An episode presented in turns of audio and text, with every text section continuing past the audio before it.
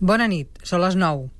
Amb un cert estat de xoc emocional ens hem llevat aquest matí per comprovar que el món segueix rodant i que les aspiracions d'una bona part dels catalans segueixen intactes però reforçades.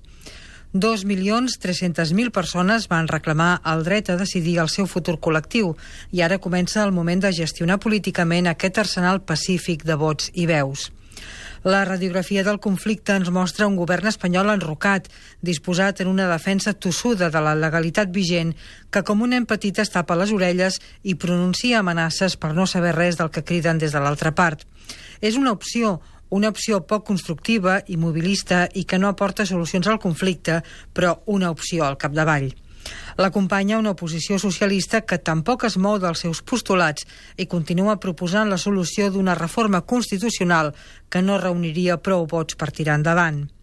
Amb aquest panorama, la pilota continua estant al costat de la part que reclama un canvi, amb un líder, Artur Mas, que ha assumit tota la responsabilitat legal del procés i n'ha sortit clarament reforçat per l'èxit de la convocatòria.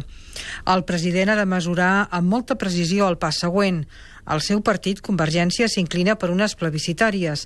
Esquerra Republicana demana avançar les eleccions per obrir un procés constituent. Són dues propostes semblants per dos partits amb uns objectius nacionals semblants que es disputen un segment de l'electorat que pot donar la victòria a un o a l'altre. Fins ara les enquestes auguren que guanyarà Esquerra, però el 9-N ha catapultat la figura de Mas, que s'ha convertit en el gran triomfador del procés. Falta veure si en pot treure profit, si això li comporta algun rèdit electoral. L'èxit de la convocatòria d'ahir s'ha d'administrar amb astúcia i cautela.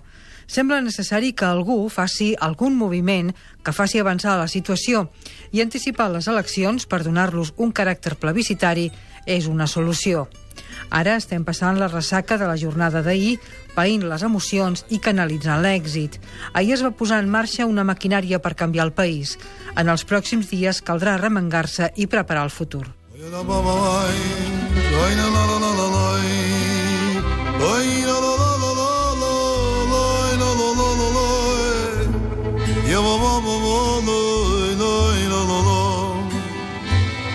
נane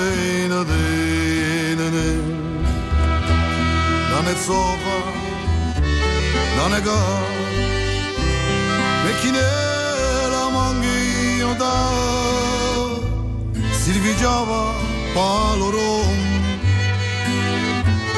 mekine la mangi yorum ay la la la Hola, bona nit a tothom. Són les 9 i 3 minuts i aquest és el Cafè de la República número 1640. Avui és dilluns, dia 10 de novembre de 2014. És el dia que ens ha agradat obrir els ulls amb ganes de no tancar-los mai més. Però avui, com cada 10 de novembre, no ens ha agradat veure com es començava a pensir el ram de violetes.